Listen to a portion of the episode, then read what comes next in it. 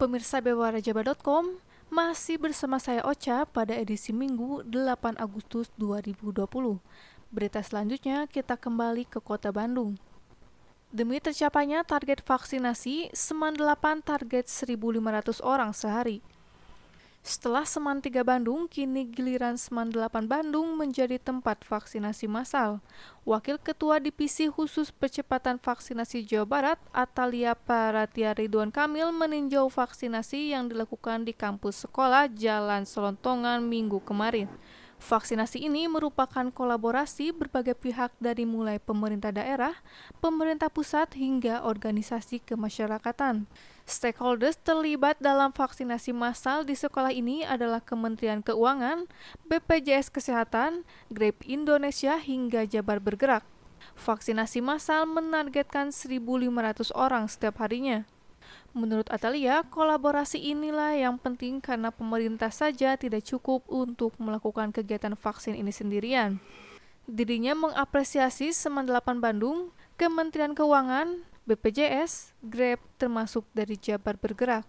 Adapun yang disasar dari kegiatan vaksinasi ini terdiri dari berbagai kelompok masyarakat, mulai para alumni, anak-anak sekolah hingga masyarakat sekitar guna mengejar vaksinasi selesai bagi 37 juta penduduk akhir Desember 2021, Jabar sedang giat-giat mempercepat vaksinasi agar kekebalan kelompok terbentuk. Salah satu strategi yang dilakukan adalah memanfaatkan sekolah dan pondok pesantren sebagai sentra vaksinasi. Penyelenggara vaksin bisa berkolaborasi antara pemerintah dengan swasta, pada hari Sabtu kemarin, vaksinasi juga digelar dengan antusias di sekolah yakni Seman 3 Bandung. Kini dengan antusiasme yang sama vaksinasi juga digelar di Seman 8 Bandung. Atalia mengapresiasi kedatangan anak sekolah untuk divaksin. Seperti diketahui, vaksinasi anak 12-18 sudah diperbolehkan dan dijalankan di Indonesia. Ia berharap semakin banyak orang tua yang mengajak anaknya untuk divaksin di sekolah-sekolah. Begitupun sebaliknya, anak mengajak orang tua divaksin di sekolah. Tantangan terbesar dalam sosialisasi dan edukasi masyarakat adalah misinformasi, disinformasi, serta hoax terpihak vaksin yang disebarkan pihak tidak bertanggung jawab. Jabar sendiri memiliki pekerjaan berat karena harus memvaksin 70-80% dari 50 juta jiwa penduduk, atau sekitar 37 juta jiwa.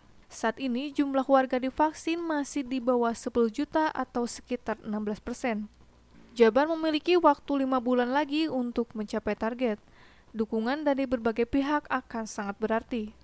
Selain kolaborasi, Pemda Provinsi Jawa Barat terus berusaha mengamankan stok vaksin.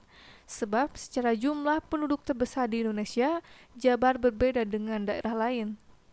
Sumber dari bewarjaba.com.